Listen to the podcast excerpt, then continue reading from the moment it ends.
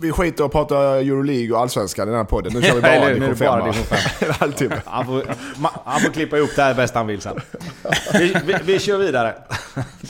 Det var det här jag fruktade för när, alltså så här, först tänkte jag bara ah, härligt, nu blir det inte så mycket Eskilsminne, nu, nu är liksom Tobbe show här framöver.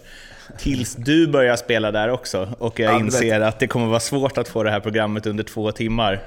Om du, Du så kan inte ge mig lillfingret och ta hela handen. Jag, kan, jag måste ju vara i centrum. Jag klarar inte av mitt ego, klarar inte detta annars. Nej.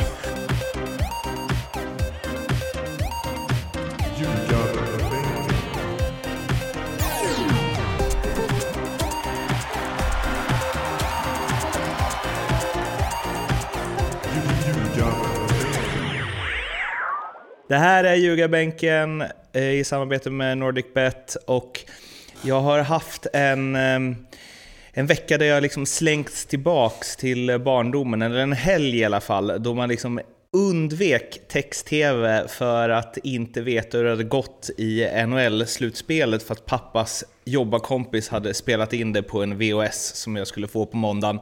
Det är lite samma nu. Det kom något videoklipp från en omklädningsrum med någon brunbränd bar överkropp.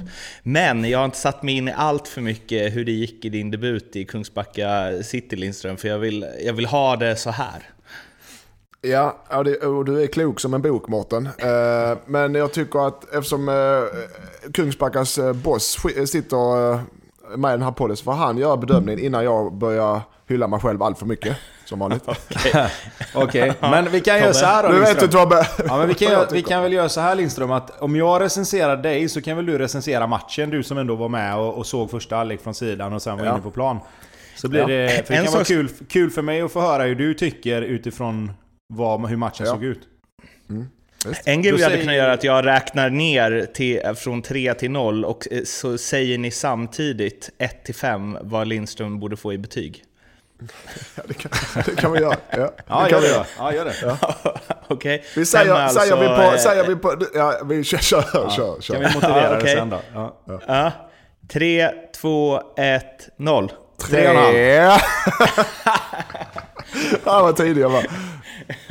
Ja, ja, eh, Tobbe, låt höra. Vad säger du om hans insats? Eh, nej men jag, det, det, som jag tyckte var kul, det är alltså, jag vet ju Lindström är och vad han var för spelare. Men det som var jäkligt roligt var att det kändes som att tiden hade bara vevats tillbaka några år. Eh, han, han fick spela högerytter i, eh, i ett 4-4-2. Och eh, det var exakt den Lindström som jag tänkte jag skulle få in, om jag ska vara helt ärlig. Han jobbade hårt, han hann med att glidtackla några gånger. Han eh, fällde ut arslet och täckte bollen föredömligt. Sen att han väljer att försöka chippa in bollen från sidlinjen när eh, man själv står med öppet mål in i mitten. Det, det hade kunnat bli en 4,5 där men... Eh, nej då, vi fick, in, vi fick in exakt det vi ville. Han, han, han, han är ju smart också. Han pushar och, och styr och ställer trots att han inte har träffat de här killarna förut. Och jag tror att de flesta märkte att han, att han kom dit och verkligen tog det på allvar. Så det, det, jag var jättenöjd och vi... Som sagt, vi fick lite mer stabilitet i, i laget i andra halvlek. Vi... Eh, ja, utan att säga för mycket vad Lindström ska säga så kan man väl säga att det var en liten coachmiss i, i taktik och, och uppställning och så i första halvlek. Så vi fick justera det lite i paus och sen, sen blev det bättre. Men eh, ja, vi får se vad Lindström säger där. Var coachmissen att du inte startade Lindström? Nej men coach, nej men man kan säga så här att vi... Vi hade väl, vi- man kan säga att vi hade en tanke med hur vi skulle ställa upp utifrån hur, hur, hur vi trodde att vi skulle möta. Och eh, det, blev, det blev fel bara. Det var fel, fel uppställning, fel, fel matchplan från, från första början. Vi fick inte alls det spelet som vi ville ha. Vilket gjorde att första halvlek var, var, var... Det var bara att kasta i papperskorgen egentligen. Och sen justerade vi till andra halvlek och det blev bättre. Så att, men Lindström ska få ta resten här nu. Ja. Eh, nej, det var, eh, för det första har jag en träningsvärk från helvetet. Eh, och 45 minuter på Skreas IPs eh, tunga och långhåriga plan. Men det var det värt. Det var kul att spela. Och, men, eh, och jag gör alltid mitt bästa, annars blir det respektlöst mot eh, laget och lagkamrater och allting såklart. I varje fall, matchen 4-1, 4-1 ställde då, får jag säga vi Tobbe? Eftersom jag ska ja, ja, guld, absolut, eftersom jag ska vara med på guldfesten. Ja, det är klart du ska. Eh, eh, mot ett 4-4-2 på Skreja. De har inte jag sett några andra matcher med Kungsbacka, men ska Skreja vara bättre än vad vi antagligen trodde. Eh, sprang mycket djupled, hittade, spelade väl ganska eh, rakt enkelt. Tanken var att vi skulle sätta hög press med forwards alltså och yttermittfältare, men den funkade inte riktigt. Utan eh, de fick spela sig loss ganska enkelt och då hade vi mittfält för högt upp. Eh, och Tobbe som skulle ligga bakom mittfältet hamnade lite också för högt upp. Så det betyder avståndet mellan backlinjen och mittfält var alldeles, alldeles för stort. Så där hittade de min bollar både och, och då i sin tur så droppar backlinjen eftersom vi inte hade någon bra press så droppar backlinjen som avståndet där inne blev enormt stor. De lyfte in bollen där och samlade in andra bollen ganska lätt. Och de borde lätt i halvlek, eh, om jag ska vara helt ärlig. Eh, så att eh, vi korrigerade det med två forwards i andra halvlek och fick lite bättre press på dem eh, i 4-4-2. Tycker även i egna uppspelet med, med när, när bollen lite dålig, jag har inte sett, men lite eh, slarvigt. Eh, där många duktiga spelare, det var bättre i andra halvlek, men lite slarvigt med bollen. Så tappade mycket boll i fel läge. Eh, som gjorde att Skreja fick ställa om mycket på oss. Men det har också att bolltempot, det var svårt för planen var långhårig, men eh, att man, eh, att man eh, när man möter ett 4-4-2, att man försöker hitta, eh, hitta någon sorts, ut, vad ska man säga, en, en, när man spelar 4-1-4-1, en, en forward möter en, en innermittfältare och sen går djupled bakom. Det saknas lite djupledsspel i första halvlek och det saknas även eh, tempo på bollen. Mycket felbeslut var det. Men i andra halvlek blev det bättre. Det var min analys Tobbe. Ja, jag, jag måste... Jag... Ja, fortsätt. Nej, men jag, nej, jag, kan bara, jag kan bara hålla med. Eh, vi, tanken med att spela med med den ettan bakom de fyra, det var ju att vi skulle droppa ner och få spela tre mot två i, i uppspelsfas. Men mm. problemet var att vi fick aldrig riktigt fritt... Vi fick aldrig riktigt fri eh, de spelarna längre fram i plan som vi ville ha. Eh, vi hade ju två innermittfältare som var tanken att en av dem skulle fylla på i boxen hela tiden. Och det blev väldigt sällan som vi kunde göra det. Eh, och det får vi ta på oss som tränare. Det, Taktiken var, var, var planerad utefter vad vi ville göra men vi fick inte riktigt, vi fick inte riktigt gjort det. Så att, eh, det får vi ta på oss och konstatera att vi, att vi valde fel den här gången bara. Så att, eh, på så sätt så var det ändå gött att få ta med sig tre pinnar hem då. Det här, det här vet jag att vi varit inne på förut någon gång, men jag vill ändå ta det nu igen eftersom det är aktuellt i och med din comeback Lindström. Och det här gäller ju dig också eh, Tobbe, eftersom du också spelar i Kungsbacka. Men Kanske mer dig då Lindström som inte lirat på ett tag. Men vad, hur är det att... Alltså det är ju många, många, många eh, nivåer under där du spelade. Hur, pratar du med alltså, mig nu eller pratar du med ja, Tobbe? med dig. Eller med, ja, ja, främst med dig. Ja, men det ska sägas. Hur ja. är det att här, gå in i division 5 när man har liksom spelat på mycket hög nivå, även om det var Nu har inte jag spelat fotboll på... Ja. Men, och, så att jag, men ska säga att det finns många bra fotbollsspelare i Kungsbacka, framförallt i Kungsbacka City, men i många andra division 5-lag och division 4 och, och division 3 och till och med division 6. Det finns många bra fotboll, då pratar jag tekniskt, fotbollsspelare. Uh, och, sen, sen är det, och där finns många med bra fysik, men det of, brukar ju, det märker jag nu, det, och jag är en av dem såklart, att fysiken är ju en av dem som sätter stopp. Man tränar inte mer än en, två gånger i veckan. Så fysiken såklart den sätter stopp. Uh, och i vissa fall uh, att när den sätter stopp då spricker lagen upp för man orkar inte ta sitt jobb. Man, man tänker inte för hjärnan fungerar inte som den ska. Så det, det är väl den som är den största skillnaden såklart på elitfotboll och division 5-fotboll. Men många bra fotbollsspelare finns det, definitivt. Överallt. Så jag blir överraskad hur många bra fotbollsspelare det var i Kungsback. Lite, lite spelförståelse såklart eh, är väl en stor, stor del av det. Men vinnarglädjen och vin attityden är, den är på samma nivå var man än kommer. Så den, den är, det är ingen skillnad alls. Till och med i tv-laget. men nej, men okej okay då. Fysiken och spelförståelsen, överlägset. Så är det.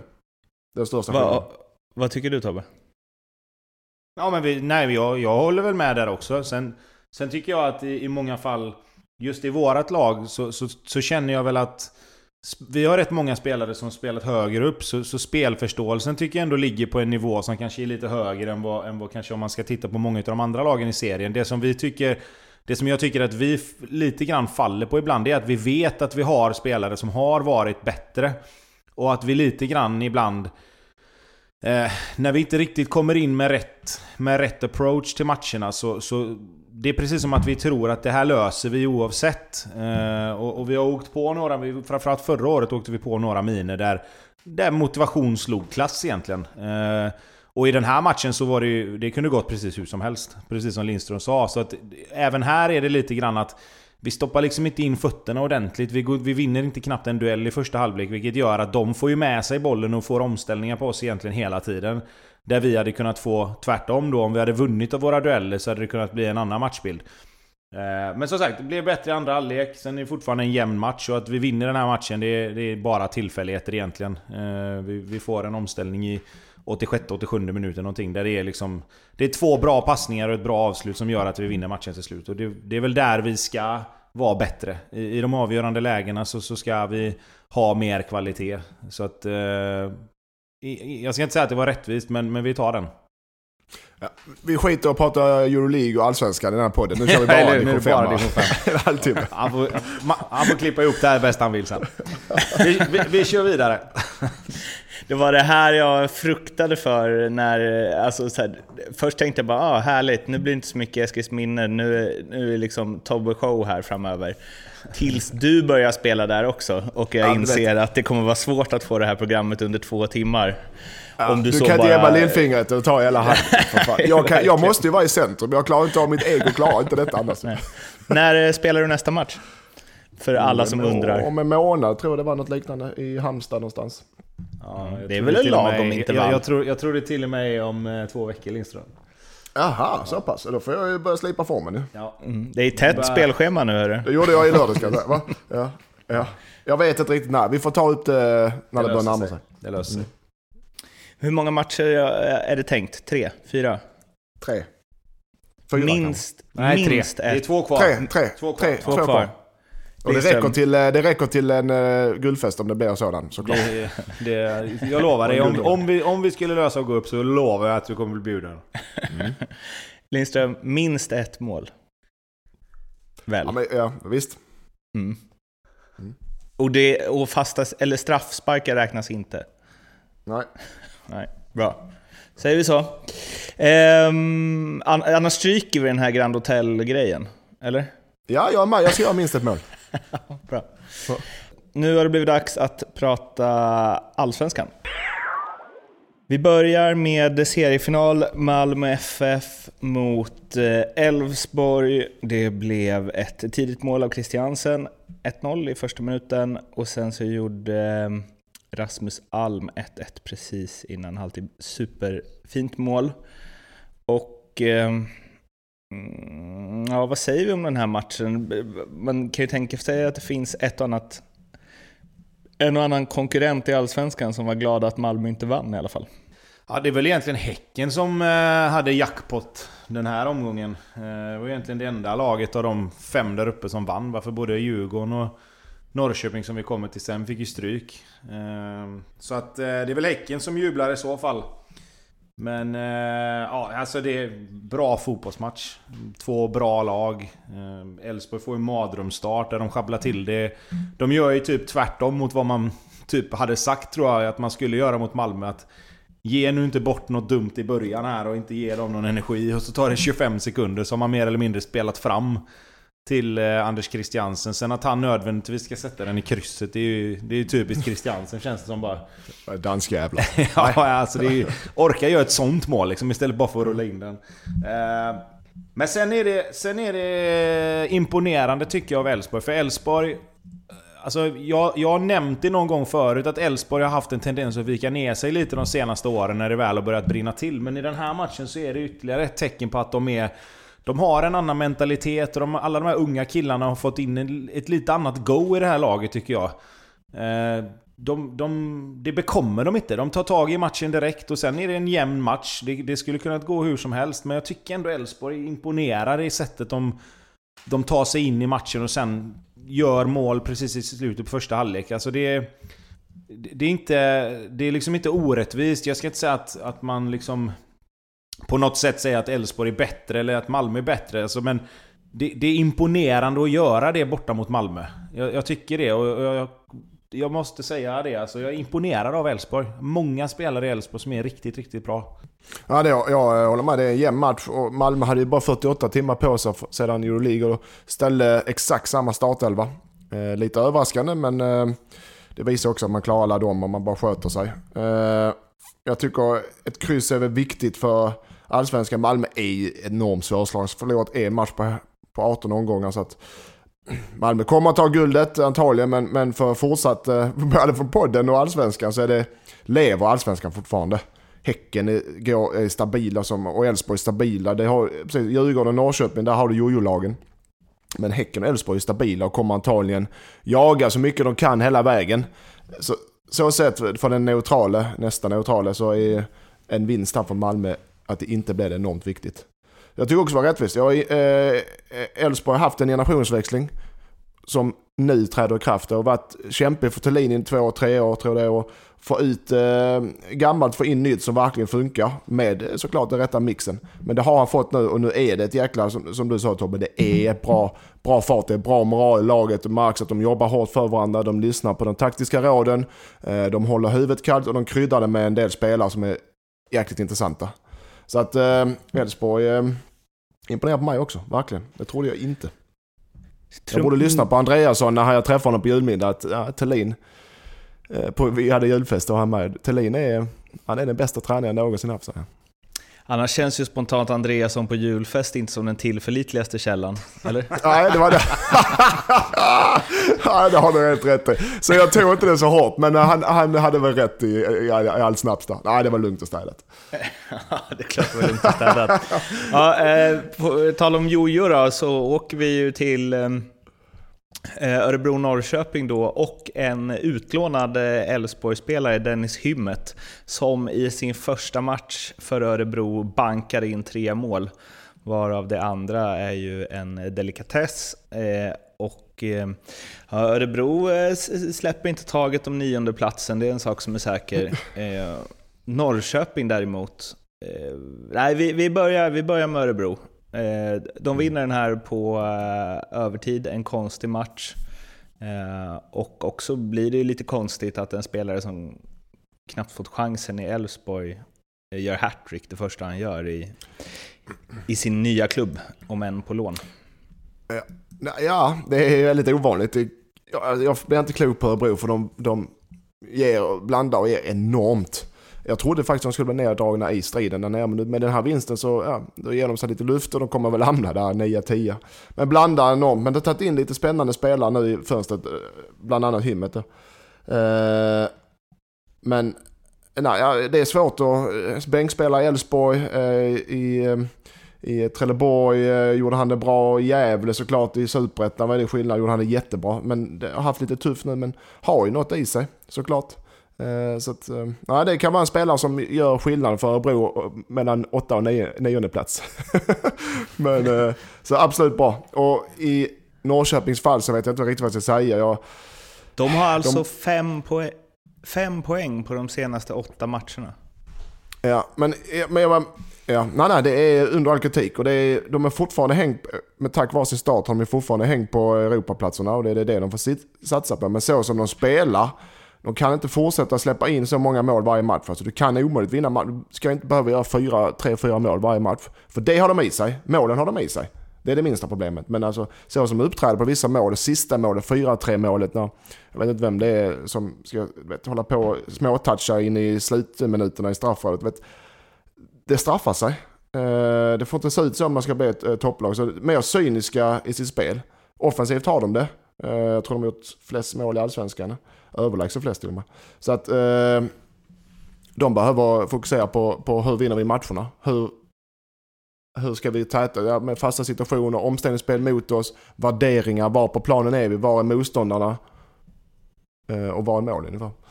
Det, det lät de väldigt lätt ju, men... Eh, de har ju släppt in, eller de har gjort två mål, fler än eh, Malmö, men sen är det ett eh, ja. hopp ner. Men de har släppt in 28, det är alltså i paritet med eh, Blåvitt har också släppt in 28, eh, Helsingborg och Falkenberg har släppt in 30.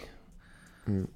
Nej, nej, men det är det jag menar. Och det är därför de inte... För målen har de i sig. Och, och Sejad var duktig nu, Nyman var duktig igen och, och, och Almqvist har ju speeden. Men, och de har många bra defensiva spelare också. Men som lag behöver de fungera bättre i defensiven. Men har Säkra, de... Mm.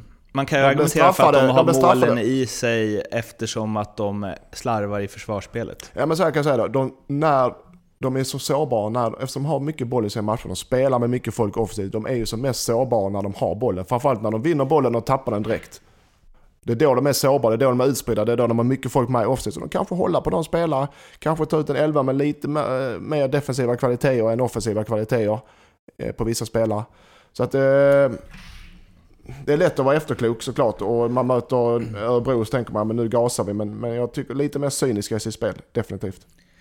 Tobbe, du har ju gått eh, hårt åt ditt eh, kära Blåvitt med all rätt i den här podden och deras eh, oförmåga att vinna. Eh, om man kollar på ett annat IFK i Norrköping som som sagt fem poäng på åtta matcher från att ha vunnit allt.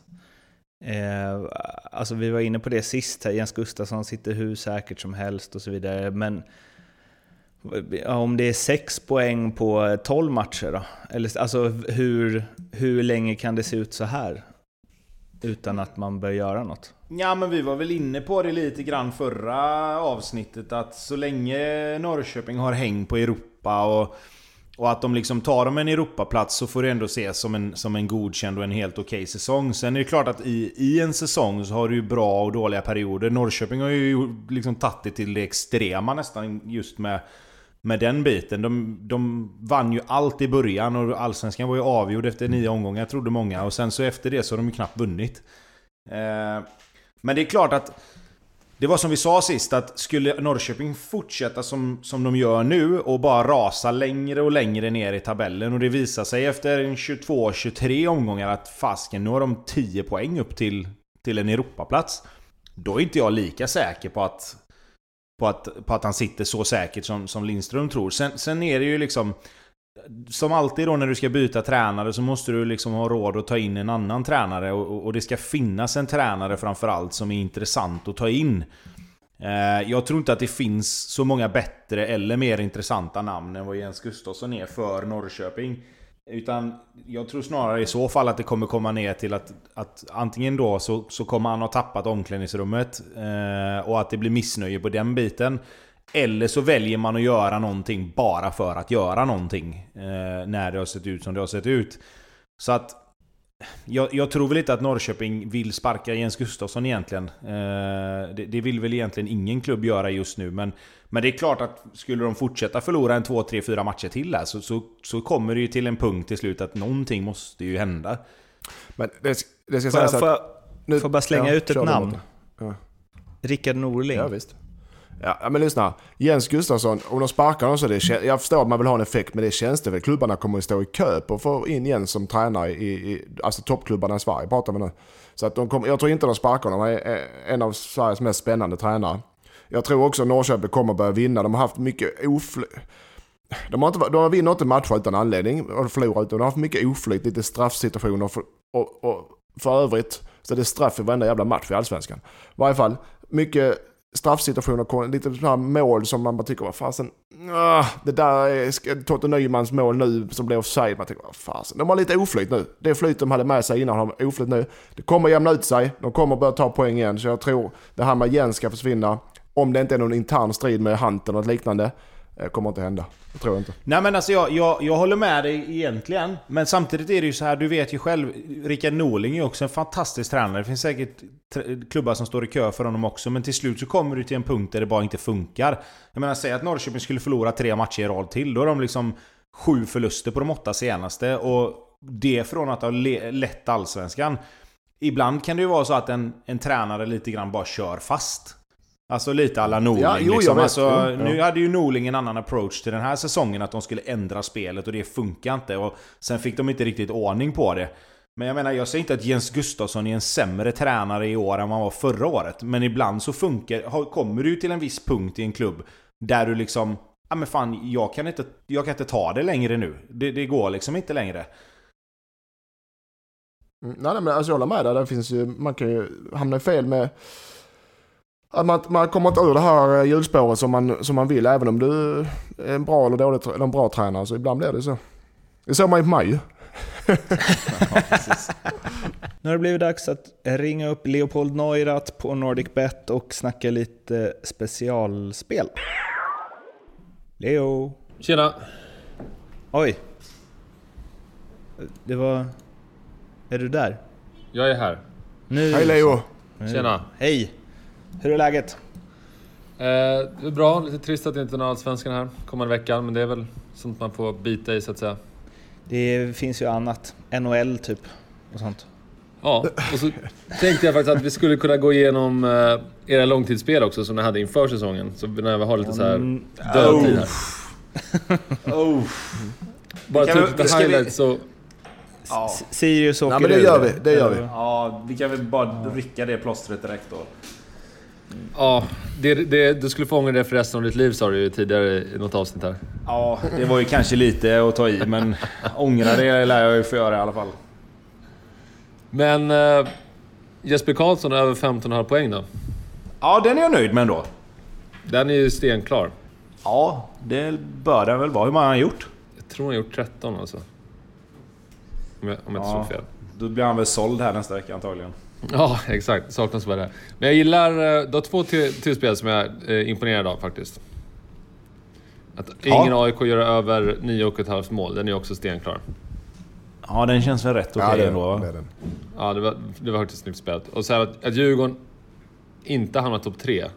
Den, ja, men den, är ju ju, den kan ju fortfarande bli fel. Alltså. Ja, den borde egentligen inte vara i närheten, men det är ju Norrköping och Bayern har chokat också så... ja. Jag hade AIK utanför topp 5 här va? Ja. Den känns ju också Eller? stenklar.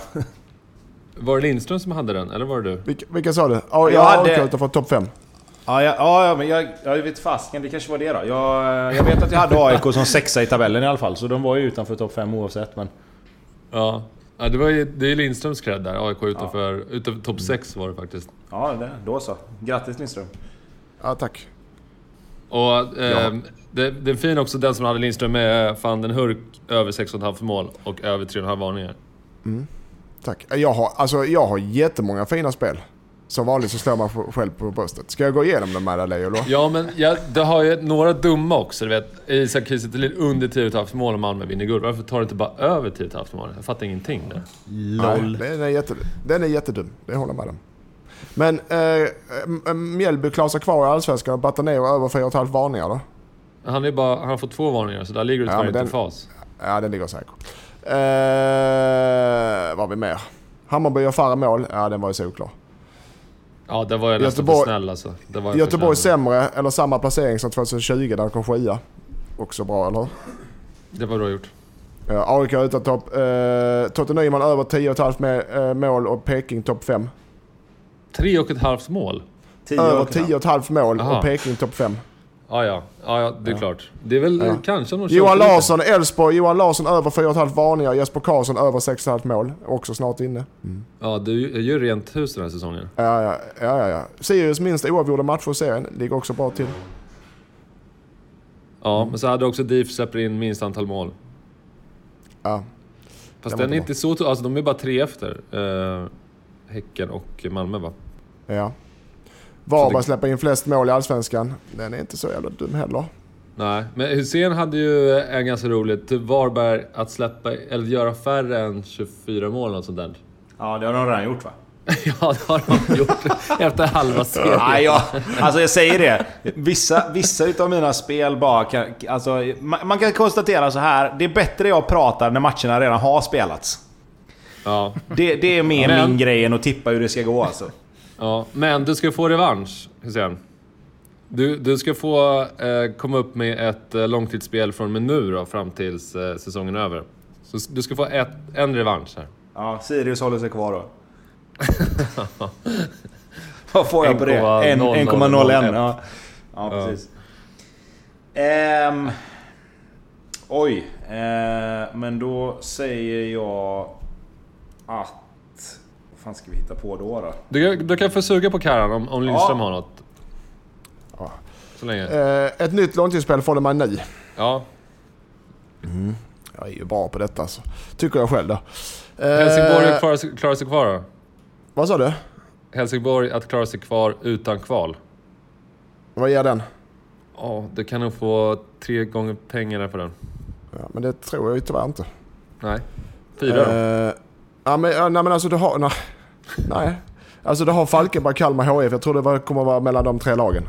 Så att, nej, det vill jag inte röra. Alltså, eh, vad har vi på Hammarby Europaplats? Oj! De, har, ja, de ligger sjua i tabellen. Ja, sju Efter poäng 18 spelade omgångar. Fem, Sju poäng ja, efter. Sju poäng Sju efter. poäng efter. Ja, fuck det är Elfsborg. Det blir inte lätt heller alltså. Nej, där får du, får Ja, det vet fan. fem gånger alltså. pengarna där alltså. Ja, det vet jag. Elfsborg, Häcken kommer... Ja, den är för, det är för snålt. Elfsborg, Häcken Fem? kommer inte börja tappa fan, poäng. 30 gånger pengarna typ. Okej då. Så här, Djurgården utanför topp 5. Uh, alltså sex eller sämre. Ja. Uh, ja, där kan du få... Då får du fyra gånger pengarna. ja. Den, fem gånger pengarna då. Det är ändå svenska mästarna. Ja, Eller? men det, vad fan, vilka ska gå om då? Det är bara... Det är Nor- Norrköping och Bayern då, tänker du? Ja, men då, det, ja, men då ska ju oddset höjas ju. Menar jag. Ja, okej. Fem gånger pengarna. Ja, fem. Jag tar den. Bra. Hussein, har du knäckt koden än? Ja visst, vet du, vilken kod. Alltså för att knäcka koden att jag ska börja tippa bra så är det ju liksom 12 siffror i rad som ska komma på rätt plats. Eh, Göteborg topp 10 då, det gillar jag. nej, jag var inne lite på att Göteborg vinner mer matcher än vad de förlorar av de som är kvar. Men jag vet inte Ja, om jag okej. vågar jinxa det så alltså. Eh, Pontan är ju Kanske ska- fin alltså. Fan vad kanske, bra välja, kanske ska jag välja AIK istället med samma. eh, nej, jag ska titta lite här. Eh, Ja, det känns... Göteborg kommer ju rycka upp så här. Det är inget snack om saker. Ehm, jo, men det gör det. Alltså jag... Ja. ja men jag säger så här då. då. Då gör vi så här. Det kommer ju gå fullständigt åt helvete vad jag än väljer, men... Jag säger att Hammarby kommer före Norrköping i tabellen då. Ja, okej. Eh, det är bara tre poäng som skiljer där egentligen. Men du, ja, du får tre gånger pengarna på det. här. Oh. Ja, men det kan man väl ta eller?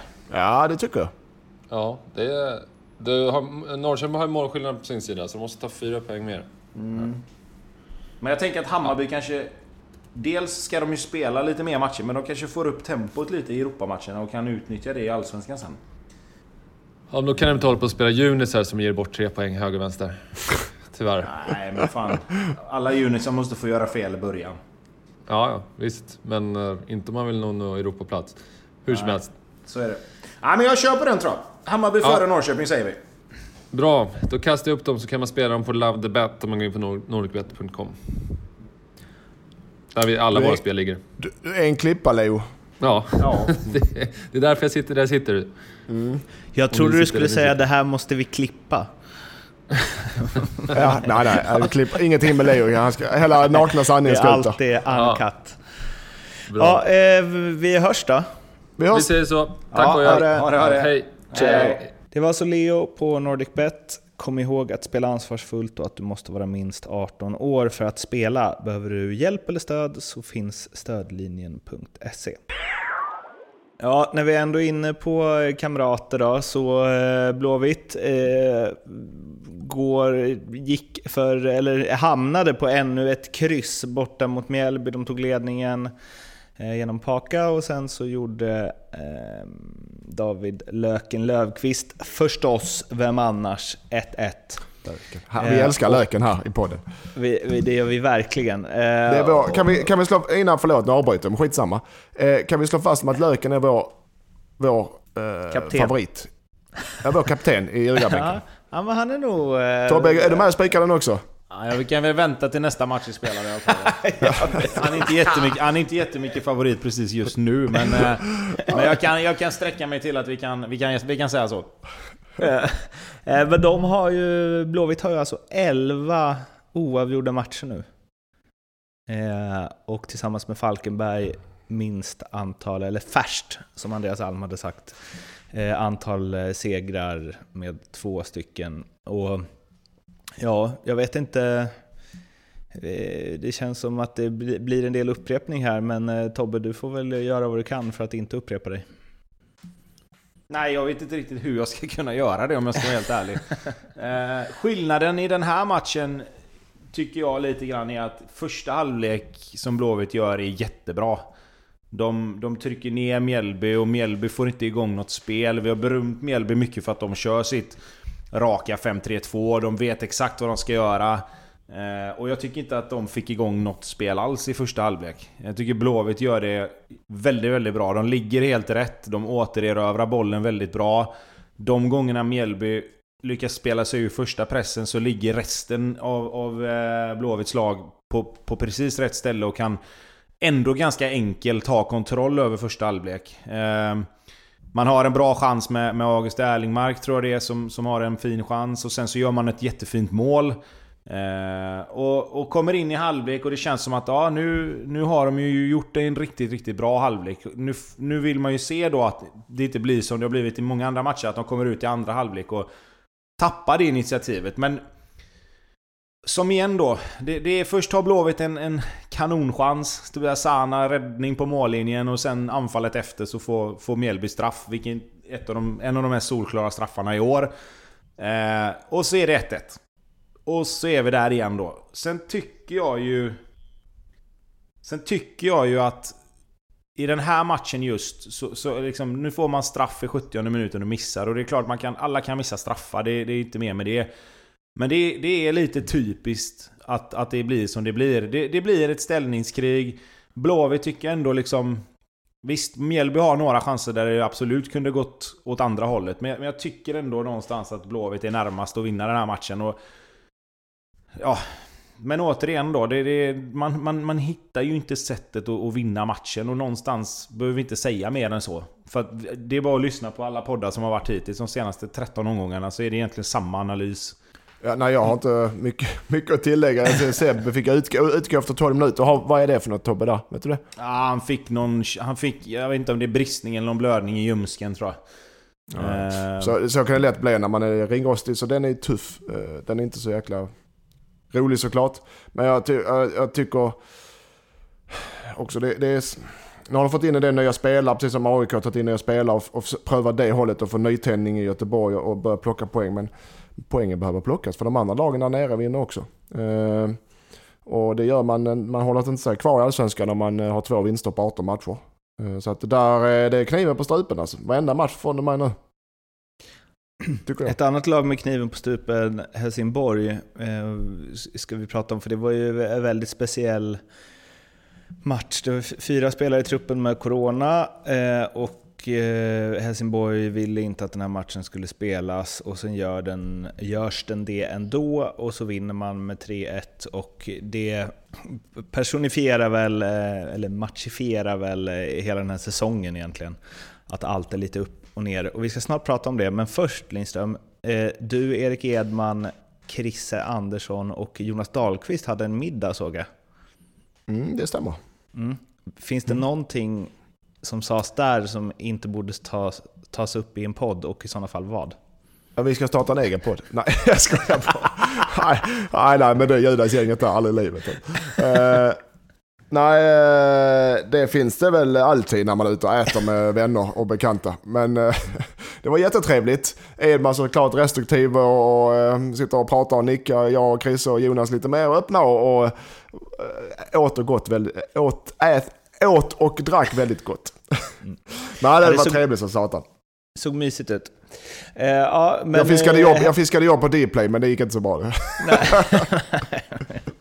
uh, Men man tycker, har de tagit in Krisse så kan de väl... Då är inte steget ja, De ser långt. inte skillnaden då, tänker jag.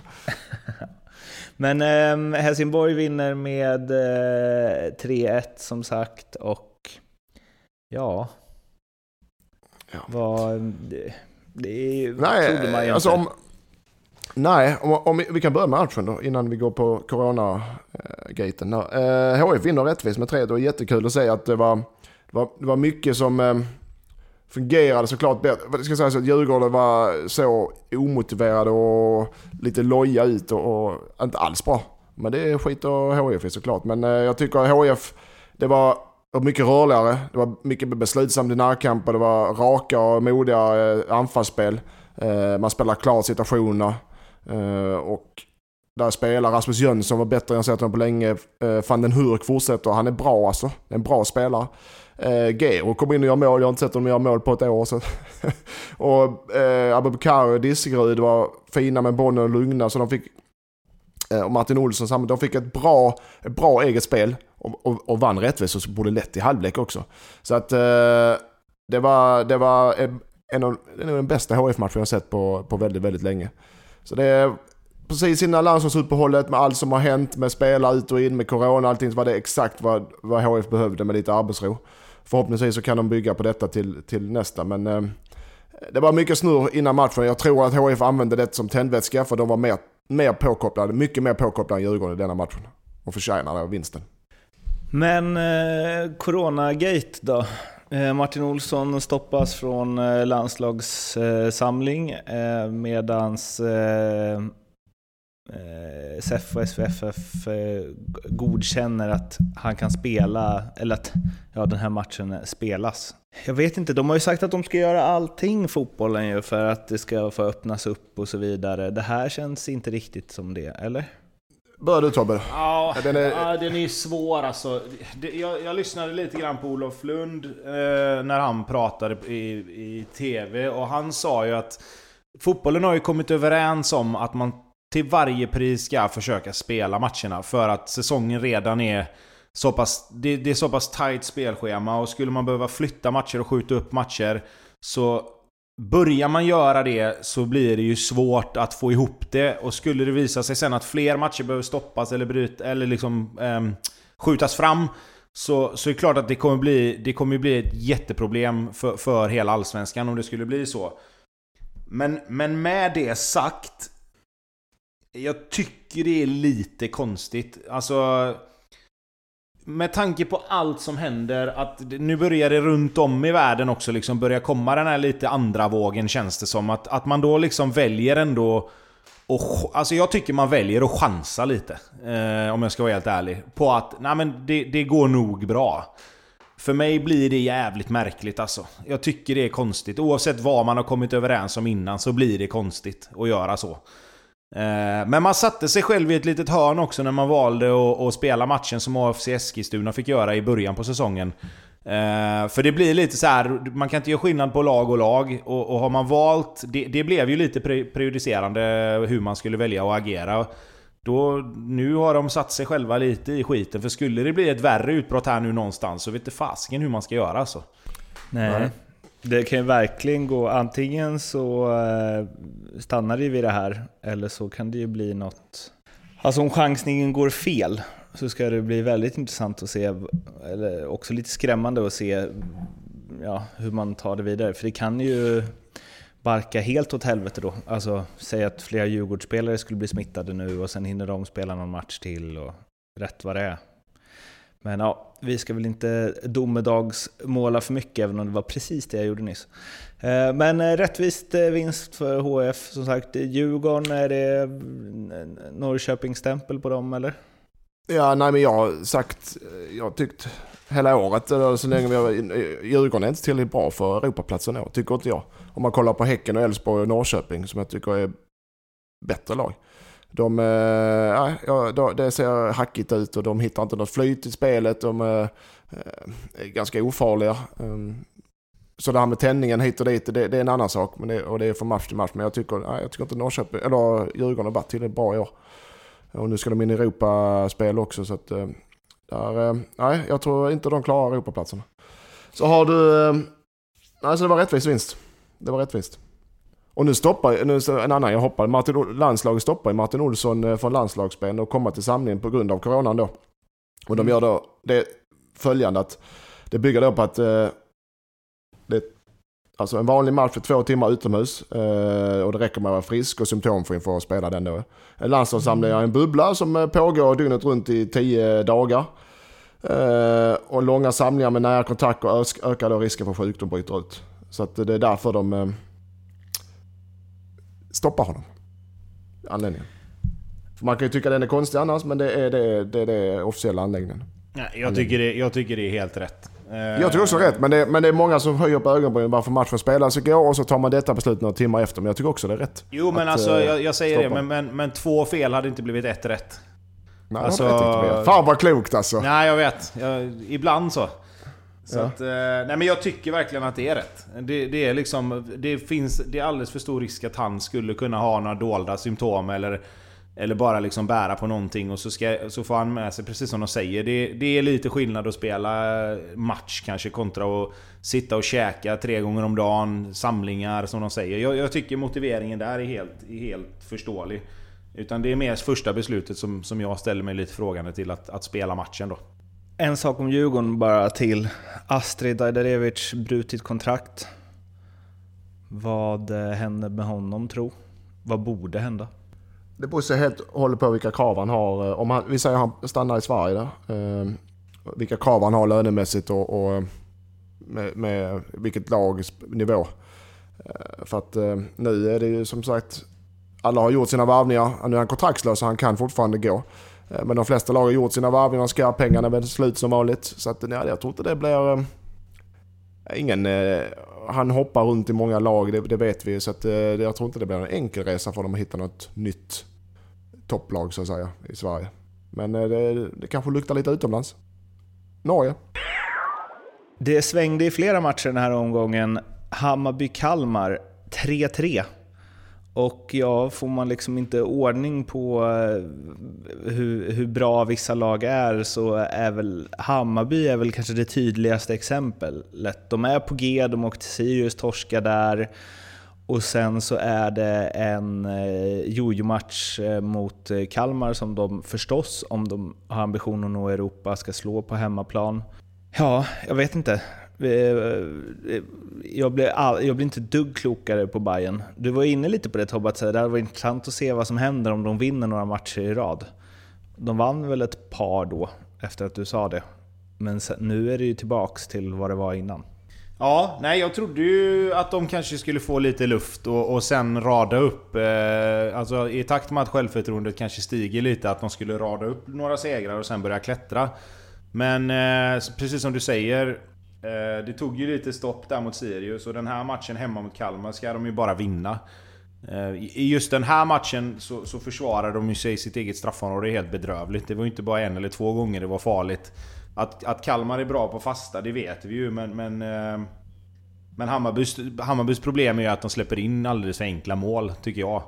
De, de, är ju, de är ju bra. Jag tycker ju Hammarby är fortsatt bra. De har några chanser fler än, en del de gör mål på. Men, de, men just i den här matchen så försvarar de sig eh, bedrövligt. Eh, det är två... En, en hörna och en, ett inlägg som, som blir mål. Och eh, vad ska man säga egentligen? Alltså, de får inte riktigt ihop helheten. Alltså, vissa matcher tycker jag de gör det bra defensivt och då, då, då klickar det inte riktigt framåt. Och sen vissa matcher så är de fantastiska offensivt men på bekostnad av defensiven. Så att jag, jag vet inte, de, de, de får liksom inte ihop det riktigt tycker jag inte. Nej, jag, jag tycker eh, första, halv, ja, första eh, delen av matchen är de bra och kör sönder. här Kalmar, men Kalmar krigar, de, Kalmar krigar till sig en eh, poäng här. Och det tycker jag inte mot Hammarby hemma på konstgräset där med de spelarna. Så ska inte ett lag som Kalmar kunna kriga till sig. Det ska vara klasskillnad. Eh, men det, är också, det, är såna, det blir sådana här eh, individuella misstag med markeringsmissar och, och felbeslut som, som, som kostar två poäng. De spelar inte dåligt, definitivt inte, men de, precis, som, inte, inte, precis som Göteborg, men inte på samma nivå såklart. Som det är skillnad, skilda. Hammarby behöver hitta sätt att vinna sina matcher på lite enklare. Eh, för det känns när de åker på, eh, eh, eh när det blir tre lika, att oh, där är inte kraft, där är inte riktigt kraft att göra färdigt matchen och vinna. Som de hade förra året men en del spelare kanske som tog tag i det på ett annat sätt. Så Hammarby, hitta det här sättet, det här goet och, och självförtroende för att och vinna, verkligen vinna matcherna. Så nu, nu går vi för, det gör de ju säkert, men, men att spela, det är spelarna som får kliva fram och göra det såklart. Eh, så tror jag de kommer vara med, jag tror fortfarande de kommer vara med och slåss om Europaplatserna. Om jag, om jag säger så här då, och så får ni bara skjuta ner den här teorin om ni, om ni tycker jag är helt fel. Men jag tycker ju att Hammarby är ju egentligen inte så mycket sämre defensivt i år än vad de har varit de andra åren. Skillnaden är ju att deras offensiv har varit helt fantastisk. Och lite grann målat över de här sprickorna som de har haft. För jag menar, det är ju många gånger vi har suttit och, och, och kollat Hammarby tidigare genom åren. De har lett med liksom 3-0, 2-0, 4-0 och så har det slutat 3-2 eller 4-3 eller... Alltså de, de har ju släppt in mål även tidigare år, men då har ju matcherna mer eller mindre redan varit körda. Eh, problemet för dem nu är att de inte har... De har inte gett sig själva bufferten att leda matcherna med så mycket, tack vare att offensiven inte har varit riktigt lika bra. Att nu Nej. märks de här grejerna defensivt på ett annat sätt, för nu innebär det poängtapp många gånger. Ja, men eh, är, har man inte tänkt att anledningen att de har släppt in några mål när de lett med 4-0 är för att det är, så här, det är svårt att hålla koncentrationen uppe hela matchen när den redan är avgjord och bla bla bla bla.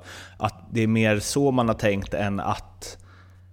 Eller jag har gjort det i alla fall. Jag har tänkt att så här, om de hade behövt inte släppa in mål här så hade de varit bättre på att inte göra det. Jo, men nu när det ser ut som det Men det gör verkar så inte kanske det inte är så. Nej, exakt. Nej, exakt. Men det, det, det problemet liksom syns ju inte förrän, eh, förrän det sker. Eller vad man, alltså det är ju väldigt få som senaste åren pratat om att Hammarbys försvarsspel inte är så bra. Nej, men jag menar mer att... Ja. Nej, men, nej, det är klart, det gör, men det behöver man ju inte göra när de vinner sina matcher. Många gånger har man ju sagt att ah, här stängde de av och så tappar de markeringen där och så är det lite för enkelt Mm. här. Och, och det är ju typ så det ser ut nu. Fast nu leder Mm. de inte matcherna med 4-0 när det händer.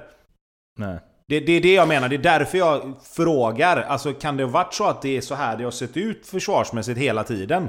Bara att de har varit för bra offensivt, så det har inte spelat någon roll. Vad tror du om det Lindström, om din favoritklubb?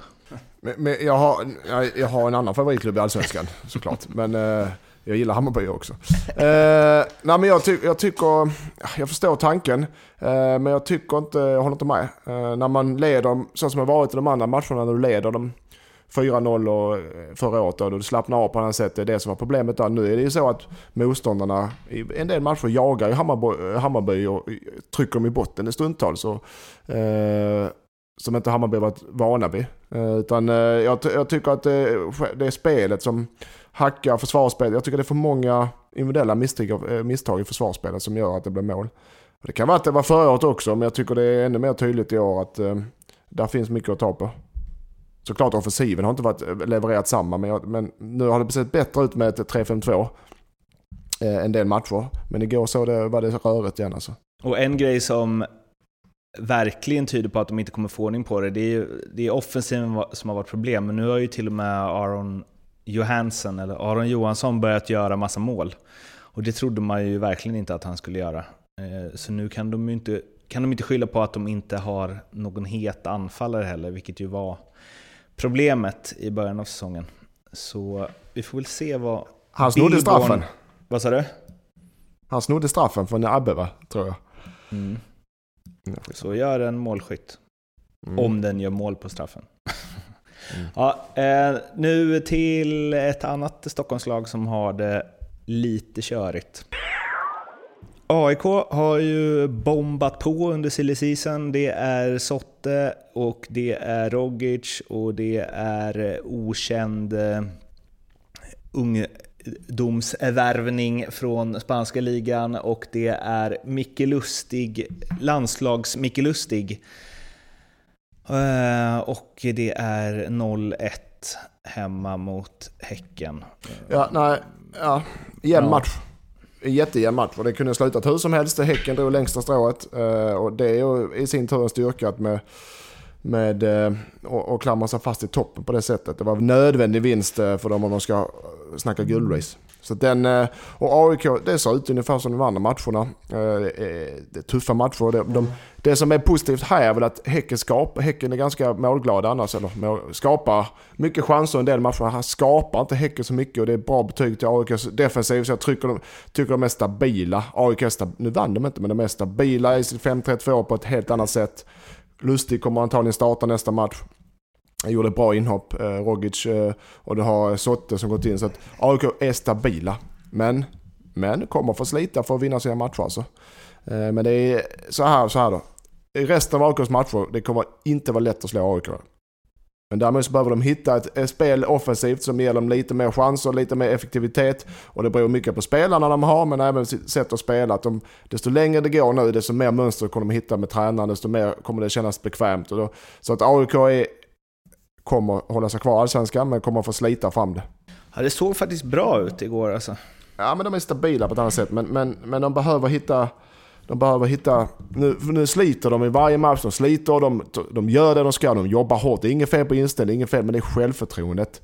när det får de någon seger, där någon enkel seger där det rullar på. Nu fick de en seger, men alltså, ni förstår vad jag menar. De, de vinner några matcher i rad.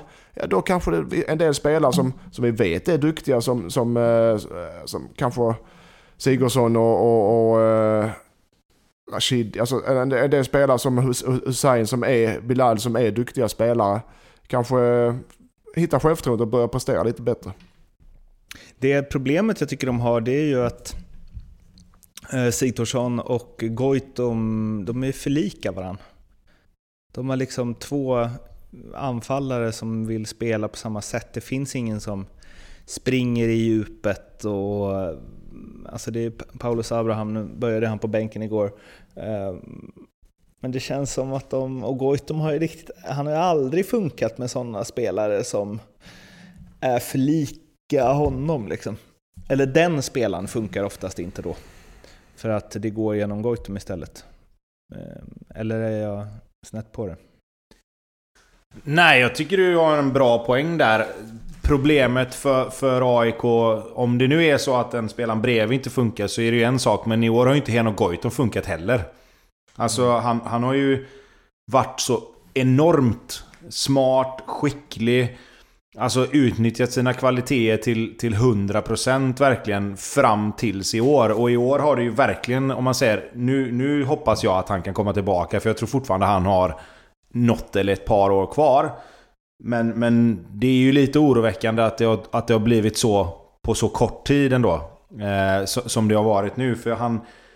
Han är, det är inte det att Henok Goitom är en sämre fotbollsspelare och det kanske är som du säger att han måste ha en spelare bredvid sig som han lite grann kan länka med. Som man kan servera lite bollar i djupled. Som kanske drar isär försvaret på ett annat sätt så att han får spela mer en mot en. För nu blir det lite som du säger att de är väldigt lika båda två. Försvaret, i, motståndarförsvaret kan hålla upp sin backlinje ganska högt för det kommer liksom inga hot i djupled. Vilket gör att He, då, Henok är skicklig för elven men han har också varit bra på att vända och vrida. Men är det för många spelare runt omkring han då så blir det ju svårt. Ehm, men det är väl, för att bygga vidare på det, det är ju det som är AIKs stora problem. De har ju, de har ju noll offensiv, liksom... Alltså det finns ju ingen spelare just nu som gör det där lilla extra offensivt. Att de är stabila och kommer kriga liksom och, och, och sådär, det är jag helt övertygad om. Det gör väl alla lagen som ligger där nere. Men jag, jag, om vi har snackat om att Örebro har haft lite problem med målskyttet nu fram till hummet då. Jag, jag, jag, kan inte se att AIK helt plötsligt bara ska vinna 3-4 matcher i rad och sen få självförtroende. För jag vet inte riktigt var det, hur det ska gå till. Att man kan vinna, men då får de vinna med 1-0 och så spika igen bakåt i så fall. För, för att jag kan inte se AIK helt plötsligt göra 3-4 mål i en match. Håller med, 100%. Och det är ju det de... De hade ju lite intentioner, Rogic liksom in i boxen och så. Men, och de måste ju spela på ett sätt som är inlägg. Eh, eftersom de, de har inte liksom det i djupledsspelet.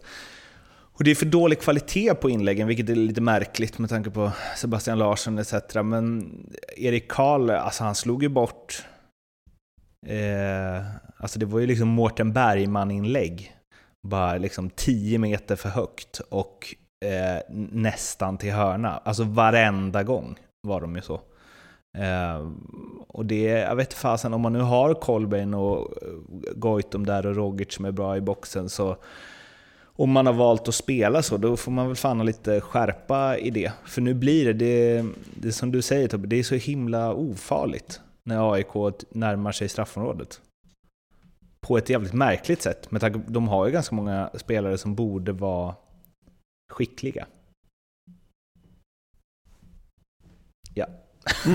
Ja, men jag trodde Lindström ville in och fylla på Ja, men jag har tagit min eh, analys av eh, denna, av AIK i Fint. Eh, ett lag det inte haltar så mycket för är BK Häcken. Eh, de eh, de är riktigt eh, vassa och även när de inte är riktigt vassa så har de spelare som kan göra individuella aktioner som till exempel Iran Dust som gjorde målet.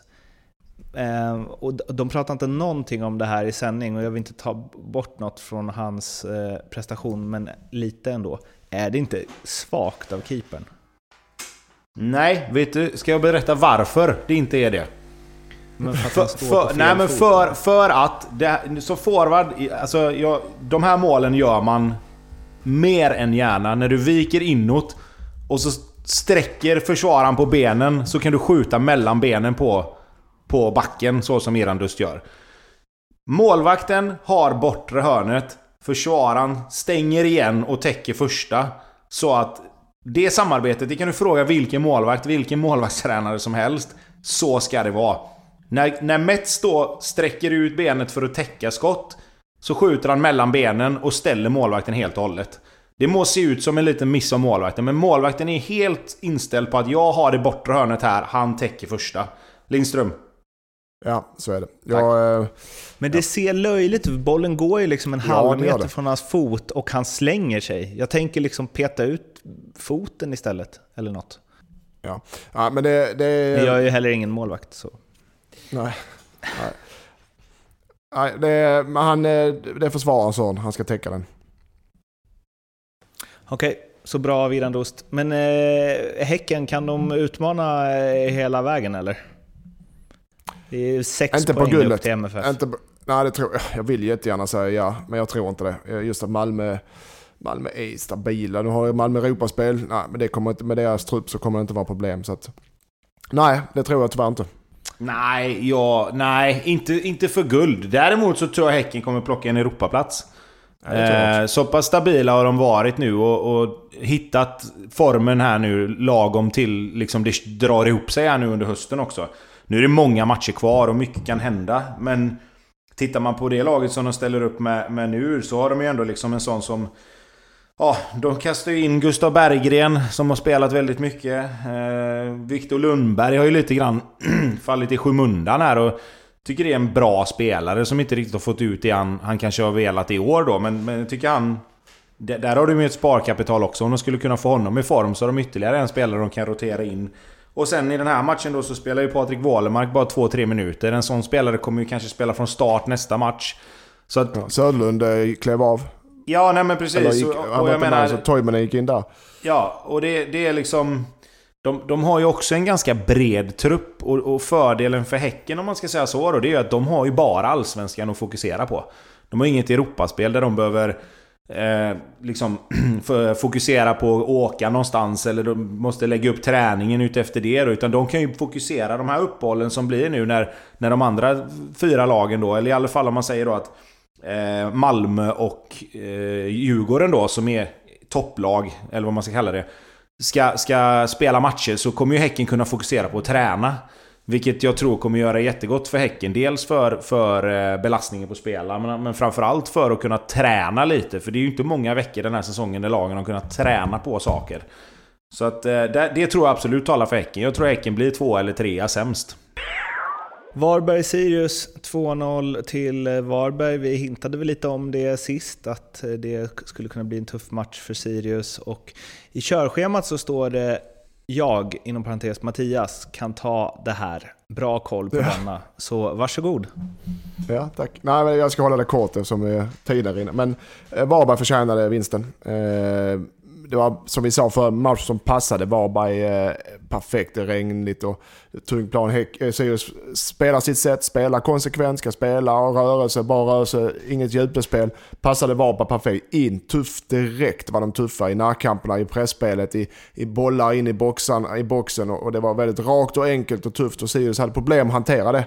Och, och Varberg vinner rättvist och Varberg är som sagt i Allsvenskan för att stanna. Framförallt hemma på, på, på eh, i, vad heter det? Koppar... Nej, vad heter den?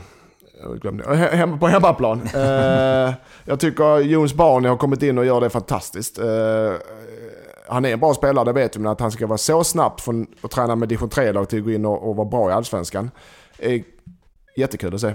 Eh, Siguita var inget vidare. Eh, Vecchia heller inte bra. Eh, det, de, ingen av dem som varit bra innan i den. De, de hade det svårt när Varberg gick in och var fysiskt eh, dominerade.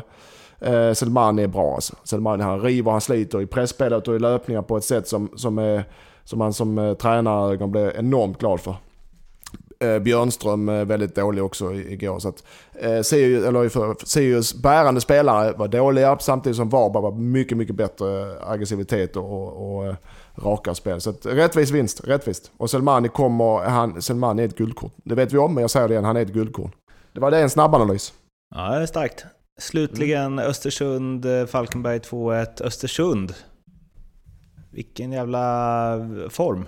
Ja, de, eh, de fick ju verkligen effekt på, på sitt tränarbyte. Om, om AIK inte riktigt har fått det så får ju Östersund verkligen, verkligen fått det. Ehm, de har ju lite grann, vi har varit inne på det, att de har varit lite naiva kanske i många delar och försökt spela sitt, om man ska kalla det för Östersundsspel. Jag tycker de har gått ifrån det lite grann och mycket av det beror ju på att de nu har två forwards eh, som springer och sliter något oerhört. Eh, de plockar ju tillbaka han, eh, vad han nu heter, New Baptist va?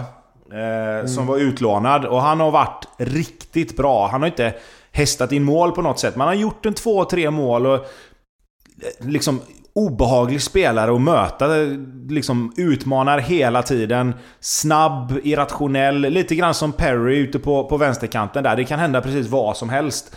Eh, och sen har de ju en ångvält i, i Blair Turgott som, som har gått in och verkligen eh, visat vägen. Han springer, han pressar. Han är stark som ett djur i, både i targetspelet men går även i djupled. Eh, och, och, det har gjort att Östersund lite grann har kunnat... De har kunnat flytta upp hela laget och, och, spela lite högre upp i plan. För att är det någonting som jag tycker de har haft lite problem med så är det ju försvarsspelet kring sitt eget mål. Alltså, Ali Keita har ju fått göra några sjuka räddningar. Och han gör fortfarande de räddningarna som behövs, men han behöver inte göra lika många längre. Eh, och, och det, det, tycker jag är den stora skillnaden. Att Östersund har, liksom, de har kunnat flytta hela sitt paket 10-20 meter högre upp. Tack vare att de får en helt annan press. De får helt annat targetspel i, i det spelet som de spelar nu. Och de är lite mindre naiva. De är lite mer cyniska. Och tappar inte bollen riktigt lika ofta på de här sårbara ställena, eller vad man ska kalla som de kanske gjorde i början av säsongen. Så att, eh, nej, en eloge till, till tränaren eh, där som har kommit in och, och, verkligen satt sin prägel lite grann. Inte kanske ändrat på några, liksom, några fantastiska om, omändringar på det sättet. Men, men han har skruvat, som vi brukar säga, då, på här, de här små grejerna och sen verkligen fått resultat på det. Yes. Fint eh, att vi tar det här avsnittet i hamn med en Östersundshyllning. Mm. Det såg man inte komma för sådär Ja, det gjorde man verkligen inte. Sedan. Nej. Nej. Men, men sen är det ju så här då, va? och man, man, får ju tycka vad man vill om det, men man får ju någonstans recensera det som händer på plan. Eh, allt det andra har vi ju gått igenom flera gånger och det, det, behöver, vi inte, det behöver vi inte röra, utan det, det får andra som har mer expertis eh, behandla. Men, men det som är på plan i Östersund just nu är bra. Där har vi expertis, så det pratar vi om. Eh, men vi har pratat klart för den här veckan. Eh, det är ju en Europalottning om eh, typ en och en halv timme när vi spelar in det här. Vi väljer att inte spekulera i vilka motståndare som kan passa bäst och så vidare för att när ni lyssnar på det här så kommer lottningen ändå vara gjord. Så det går vi igenom nästa vecka när vi istället vet vilka lag som väntar i Europaspelet. Vi finns på eh, Twitter, Instagram, Facebook, Ljugarbänken på alla ställena. Så in och följ och snacka med oss där. Och sen så prenumerera jättegärna på podden så blir vi superglada. Ehm, vi hörs om en vecka. Tills dess, må gott. Hej svej! Hej då! Ha det, ha det!